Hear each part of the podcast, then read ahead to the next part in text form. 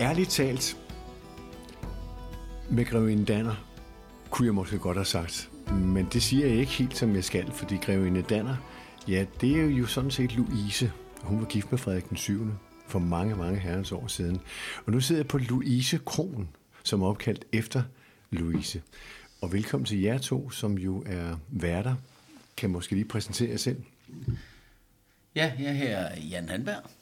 Ja. Og Vibeke Kruse. Ja, og I har haft det her sted i et par år, men i år, 2023, der fylder restauranten faktisk 50 år. Det gør den nemlig, ja. ja. Fortæl lidt om, øh, om restaurantens indhold, så kan vi komme tilbage til historien bagefter. Louise Kron er jo et, øh, et, et skønt mix af, af steakhouse, der har nogle fantastiske gode bøffer, og så ligger det i et hyggeligt gammeldansk bindingsværkshus, med mormorhygge over hele linjen. Øh, søde blomster i vindueskarmen og på bordene, og gammeldags danske desserter. Og så kan man vel godt sige, de der har kendskab til Jylland og Bornholm, at ideen er jo også kommet fra Jylland. Ja, det er den. Det er, det er faktisk... Fordi Familien Damgaard. Det, det, er, det er faktisk fra Herning. Øh, Familien Damgaard. Familien Damgaard, ja, som havde øh, ude i Lund, startede han op øh, her for et øh, bifstue, bifstag, ja. og derover. Og øh, jeg er faktisk født og opvokset lige ved siden af, ja. øh, i Herning, 5 øh, km fra, fra Lund. Øh, og at jeg så lige skulle ende med at have en, en kro også, det ja. regnede jeg ikke med dengang i hvert fald. Nå, ja, det var en gren af familien Grete ja, Damgaard ja. øh, og ja. hendes mænd, der, der startede Louise Kron i 1973. Ja, og det er så 50 års jubilæum ja. i år, ja, som vi ja besøger jeg på. Men det interessante måske ved Damgaard-familien, det var, at de lavede også nogle steakhouses jo. Og det var vel det, de kom over og så, man kunne gøre her. Fuldstændig. Altså konceptet, og det oplever vi jo tit gæster, der kommer på besøg her også kan genkende. De siger, at det er jo ligesom på Herford det her. Og det, det er samme gamle koncept, ja. kan man sige, der er, er ført videre her. Så vi serverer vores øh, bøffer på 200 grader varme støbejernstallerkener. Der er et lille afkrydsningskort, man skal udfylde først, når man kommer, og der hænger blyanter nede under bordet. Og sådan har det været i snart 50 år. Så det er der ikke nogen grund til at ændre på. Det fungerer rigtig godt stadigvæk. Så, så Herford, det er jo for mange mennesker kvalitet med kød. Præcis. Og du siger, eller I siger lava-tallerkener. Nej, det er støbejern. Det er støbejern, ja. Oprindeligt var det vel lava, var det ikke det? Nej, Nej det, er det, vi, det er det, vi øh, griller på. Det er det, I griller på, ja. Okay, de lava-plader. Ja, jeg griller, ja. på, jeg griller øh, kød på lavasten, øh, ja. fordi så kan jeg nå op på en, en rigtig høj varme. Øh, Hvor meget er det? Jamen, det er helt op til 450 grader, øh, kan nå op på. Øh, og det gør jo så, at, at, at når vi så griller det gode kød, øh, så kan man få øh, det kød, man næsten vil, øh, den grillning, man, man vil. Ikke? Ja. ja. Lad os lige tage fat i 50-året i år, så det er jubilæum, så lykke med det. Og ja, det øh, vil I jo gøre noget ud af. Der er ingen tvivl om, at der kommer mange mennesker her. Ja. Øh, men hvis vi kigger på historien, altså huset her, som sagt, er omkring 200 og Ja, det er lige, det er lige knap øh, 250 år. Ja. Det er bygget i 1778 og er et øh, karakteristisk dansk bindingsværkshus øh, med to længer, hvor der i den ene øh, længe har været bolig oprindeligt, og hvor der i den anden længe har været stald. Og i 1973, da Grete Damgaard så kommer til Bornholm med den her idé om at åbne et skønt bøfhus, så øh, køber hun øh, stedet her og indretter restauranten i den ene længe, hvor der var boliger, og får lavet et øh, fint restaurantkøkken og praktiske rum øh, ude i den anden del, hvor der var stald tidligere. Og når man kommer ind og ser, det er jo øh, bindingsværkshus, der vil noget, og oppe i loftet, der er stadigvæk de gamle tværbjælker. Ja, det er der. Øh, altså, der man, har jo, man har jo valgt at hæve øh, loftet, da man indretter det til restaurant, fordi ellers så ville der nok have været lige lavt til loftet. Ja. Og vi kan da godt se, at der er nogle af vores gæster, der bliver ja. lidt udfordret i dag nogle gange af vores hanebjælker. Men, men I har sørget for at bevare, kan man sige, det gamle look af det her. Ja, og det er vigtigt, altså, fordi det er jo virkelig en del af charmen øh, i sådan et gammelt hus, af, af alle de her detaljer øh, med hanebjælker og andre skønne ting. Vores vinduesrammer, hvis du ser herover, de er helt mm. skæve, altså netop at følge vinduer og husfasong. Øh, så sådan nogle ting, det, det er jo med til at skabe hyggen og gøre det noget helt særligt. Ja. Så man kan jo vel typisk godt sige, at det er i hvert fald ikke et sted, man har take away. Nej, det går ikke. Det, det, det er lidt svært. Det går ikke. Øhm, når nu vi så går ind på, på Grevinde Danner, som jeg sagde i starten, så var det jo Louise, som var øh, gift med Frederik den 7. Ja. Hvad er historien omkring det? Jamen, de kommer jo til Bornholm øh, af et par omgange, Louise og, og Frederik den 7., eller Grevinde Danner, som hun nok er bedre kendt som. Hmm. Øh, og, og kommer på besøg også i denne her del af Bornholm i Bølshavn.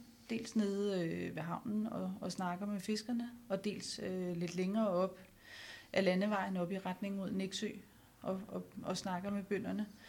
Øh, og kongen opdager så, at der er et, øh, en stor samling af bagtasten. Han var meget historisk interesseret.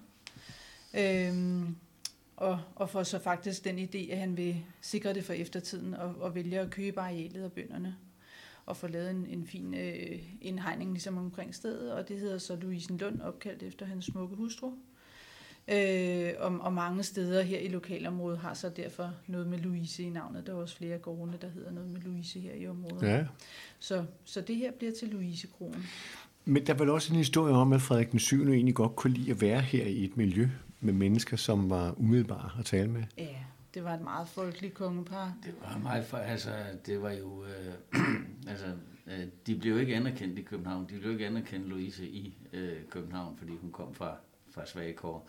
Men øh, så tog de til Bornholm, og det vendte Bornholmerne godt. De accepterede dem som, som det, de var. Øh, og det tror jeg var vigtigt for, for, for begge parter. Så det, det, det vil sige, at, at det, at de kom her, var deres frihed. Ja. Og den frihed omsatte de til praksis og til venskab med Bornholmerne. Ja. Det, det vil jeg i hvert fald Der er jo aldrig fandtes herremænd på Bornholm. Nej, det Nej, har der der er nemlig ikke, og det er lidt sjovt. eller noget. Nej. Det er det. Og det var dem, ikke kongefamilien Asger ofte havde. herovre, eller... Præcis. Det er der slet ikke. Men, men den regel, kan man så sige, brød kongen og sagde, nej, det er muligt, der ikke er nogen herregård, men jeg vil herhen. Ja, ja. Hvordan fortæller I den historie, når folk spørger fra Tyskland og andre steder? Altså, vi fortæller jo, altså, det, der har jo været på, på, på DR2, Ja. øh, har de kørt et program Ja. om, om øh, netop øh, Louise og Frederik den, den 7. Ja. Som jeg også synes var et fantastisk øh, program. Det var en god historie. Øh, og når jeg fortæller, øh, når nogen spørger mig indimellem, øh, jamen, så fortæller jeg den historie om, om København, og, og at øh, hun kom fra fattige kår, og det kunne de ikke lide, øh, adelen og de kongelige derovre. Øh, så får de historien om, om det. Så der ligger, noget, ja, ja. der ligger noget socialt i det her. Der ligger noget undervisning i, at man skal måske kigge en anden vej nogle gange, og, og se på menneskenes behov i områderne. Altså det, at, at kongen kommer over og siger, hov, her er nogen, jeg kan tale med. Det er jo stadigvæk en god historie, kan man sige, at en helt almindelig borgerlig pige ender med Ja. at give, blive gift med, Ja. med kongen af Danmark. Så kan det godt være, at hun ikke blev dronning, for det var jo så der adelen satte helt ned og sagde, der slutter vi så, hun måtte nøjes med at være grevinde. Og der kan man sige, på 200 år er der så noget, der er forandret der. Ja, det må man sige. Der er Fordi det helt anderledes i dag. Den, den kommende Ja. dame i Ja. kongehuset kommer vel til at hedde dronning, ikke?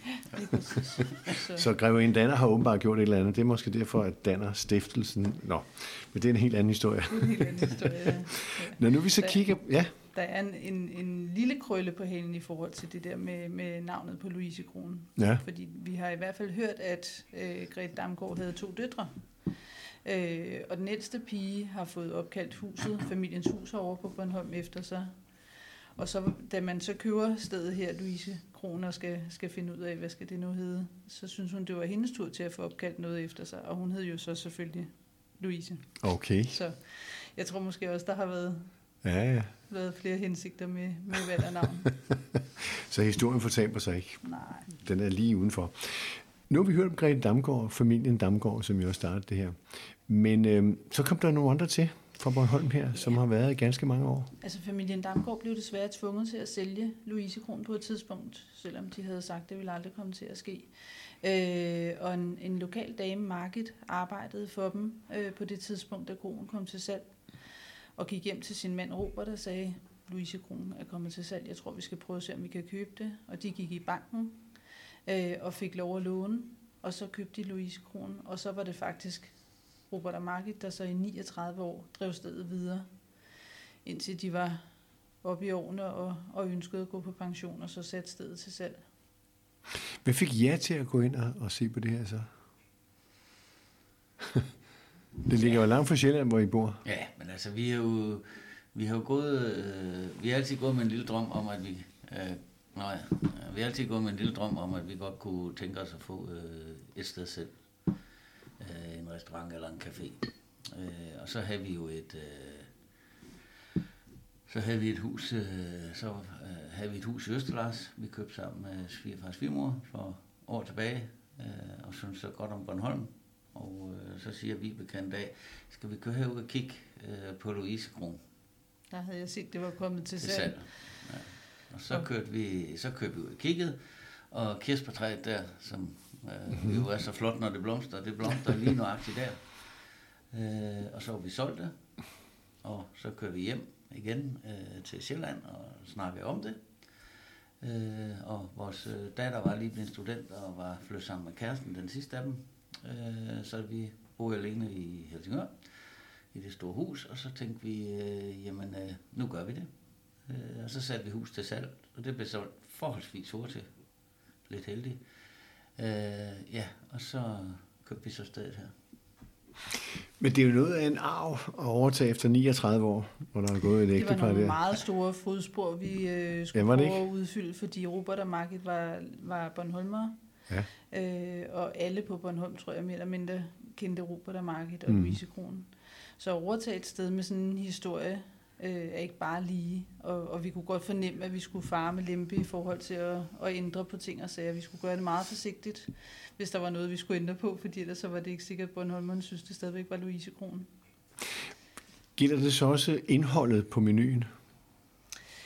Altså der har vi ændret en lille smule. Øh, ikke, ikke i forhold til kødet, det vidste vi godt, det skulle man ikke røre ved, men, men det er klart, der kan godt være, være ting, hvor vi havde, havde nogle andre idéer i forhold til, øh, til forretter og desserter. Og vi valgte også at sætte en vegetarbøf på, på kortet, da vi overtog, fordi vi godt kunne fornemme, at, det var der brug for blandt, blandt, blandt gæster i dag, at der jævnligt vil være en i familien, der måske hellere vil have et, øh, et grønt alternativ og ikke spiser kød.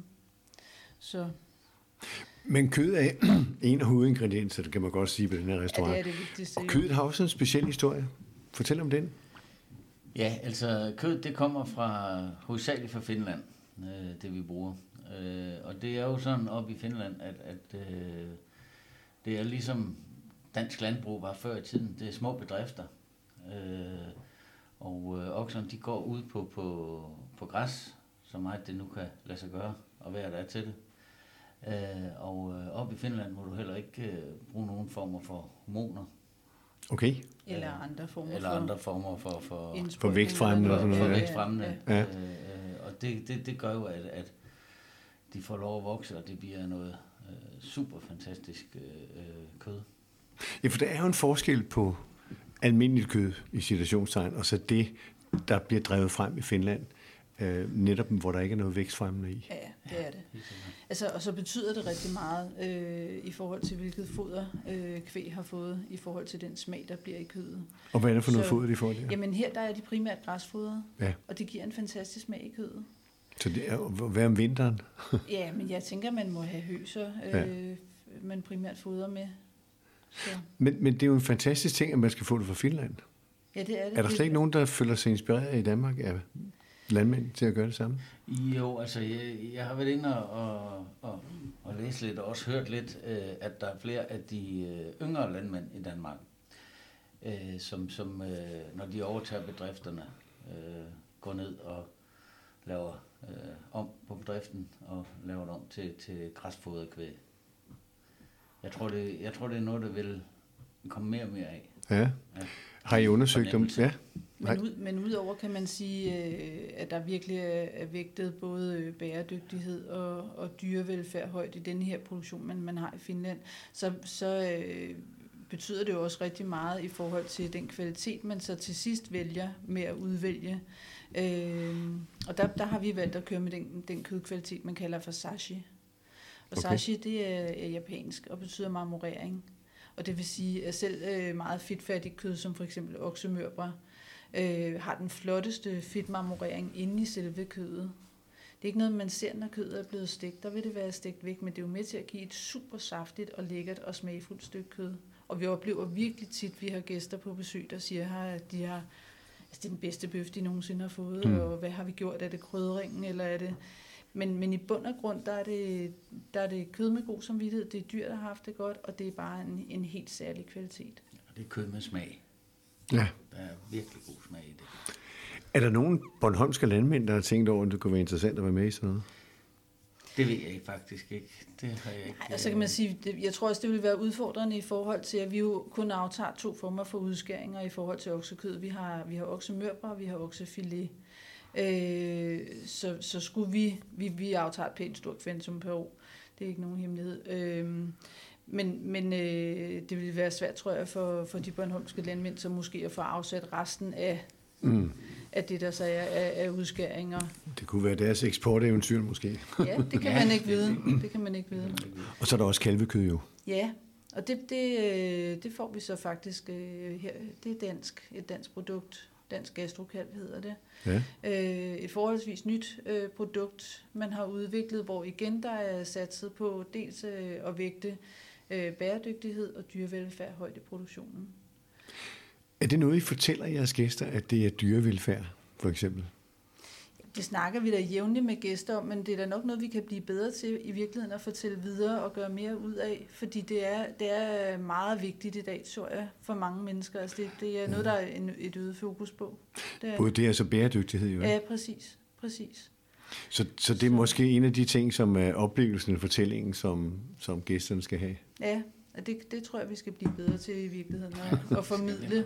Øh, oprindeligt så, så var det jo vigtigt for os, øh, at vi blev ved med at, at have kød af en fremragende kvalitet. Og, og så øh, kan man sige, at den generation vi er, der, der er det jo dyrevelfærd, det er helt klart noget, man lægger mærke til. Så derfor gik vi jo ind og kiggede på, hvad var der af muligheder der for at have produkter, hvor dyrevelfærd var vægtet højt. På Bornholm er der jo også en konkurrence, der hedder, øh, ja, den hedder jo øh, Sol og Gudhjem. Men det handler jo også om, at der er nogle øh, restauranter, som kan vinde nogle priser for at lave nogle gode ting. Har I tænkt jer at være med i sådan nogle arrangementer? Nej. Nej. Det er I, I, vil, I vil være nede på jorden, ja. som det jyske, for du kommer fra Herning, nede ja. på jorden. Ja, nede på jorden. Ja. Og så alligevel fortælle den gode historie. Vi synes, vi har sådan et fint lille sted her, hvor øh, ja, at gæsterne er glade for at komme. Og vi, vi synes, det fungerer godt med vores koncept. Vi har et enkelt, lille, overskueligt menukort. Vi bruger udelukkende gode råvarer, god kvalitet. Det er ikke pincetmad, det er ikke øh, sådan et øh, gourmistet på den måde. Øh, men, men, men råvarerne er bare i top, og smagen er i top. Og hyggen er det også, synes vi. Ja, hyggen er der. Det. Som I sagde før, det er jo en stor arv bagefter 39 år, hvor der har været et ægtepar. Hvordan øh, har I det med at tage sådan en arv, og skal sige, det må vi videreføre? Det var rigtig svært. Det, det var svært. År, det, det, det, det, det første ja. år lige da vi startede, det var, det var rigtig, rigtig, rigtig svært. Vi synes, vi blev målt og vejet hele tiden og holdt op imod. Sådan plejede Robert og Margit ikke at gøre. Eller, nå, er der ikke øh, have sin kuvertflyt mere? Det plejede man at få. Vi, vi bagte noget hjemmebagt brød i stedet for. Altså alt blev øh, ligesom holdt op imod sådan har det ikke og været så, før. Så, eller... Og så tænkte vi også, jamen så skulle vi måske lige modernisere det lidt, så vi lavede noget humus. Okay. Ja, det var ikke så populært. Det var det ikke? Nej, det, det var så ikke det. det var altså, for avanceret. Det er alle sammen sådan nogle, sådan nogle små ting, ikke? Øh, men altså, der gik, der, der gik et år eller halvanden, halvanden år, ikke? Så, så var vi accepteret.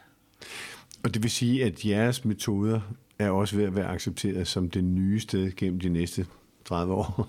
Ja, jeg ved ikke, om vi holder i 30 år. Men... Nej, det gør vi ikke. Det gør vi nok ikke. så det er, jo, det er jo lidt sent, at vi har kastet os ud i sådan en eventyr. Vi er i 50'erne nu begge to, ja. øh, og det er vores 6. år, vi har stedet. Så... Og hvad med personale? Er det øh, svært at få? Ja, det er rigtig svært. Ja, det er det. Og det har virkelig ændret sig også bare i de her år, i de fem år, vi har drevet stedet. Og igen her i år, hvor det er 6. år, altså det er virkelig en kamp at, at få, få skaffet nok. Der er rift om dem. Hvem, hvem ja. er det, I går efter? Er det yngre mennesker? Altså primært øh, unge, lokale ja. øh, studerende primært. Ja. Så unge, der går på, på campus her på Bornholm. Okay. Og så unge fra, fra, fra lokalområdet, altså øh, Østermarie, Næksø, øh, Øster Lars. Øh, og vi har jo været, altså, vi, vi har været lidt heldige, kan man sige, til at starte med, fordi at, at vi fik ansat nogen, øh, som har været her alle årene, men Som som, kendte. nu, men som nu lige pludselig skal over på den anden side, efter Ja. de I er forhold til at skulle at videre med uddannelse. studere og Ja. sådan nogle ting. Ikke? Ja. Øh, så nu står vi og skal, skal have nye ind igen. Så. Vi er ved at forynge flokken.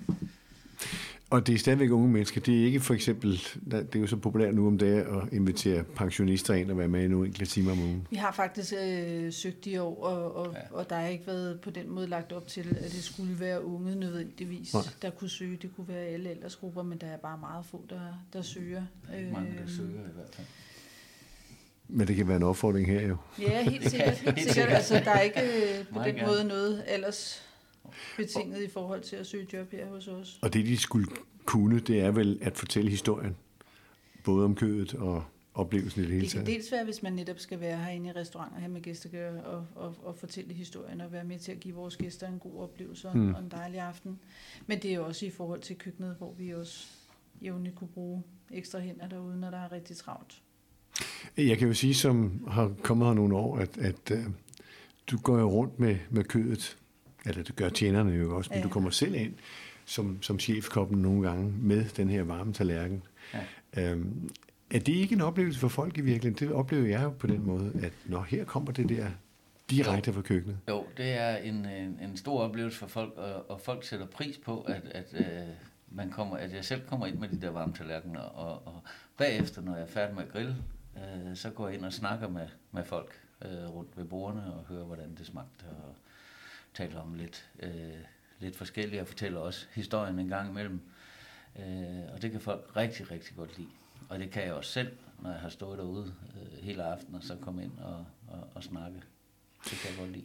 Men det kunne jo være, at det, I gør, kunne smitte af på andre restauranter, ikke kun her på øen. For i virkeligheden er det jo en slags oplevelsesøkonomi, fordi folk kommer og betaler for en vare, men de får også en oplevelse med sig hjem. Øh, De får en historie. Ja, dels en historie, og så bare, ja, at det er en, en, en hyggelig og god aften. Der, jeg synes, det er meget sjældent, at der ikke er en god stemning her på stedet. Ja, altså normalt, ja. når, når vi har åbent, øh, snakken går ved bordene, der er grin, der er smil, det er familier, det er vennepar, det er ja, nogle gange også øh, firmaer, der er ude og have en god oplevelse. Og, og børnefødselsdag. Sågar også, ja. Ja.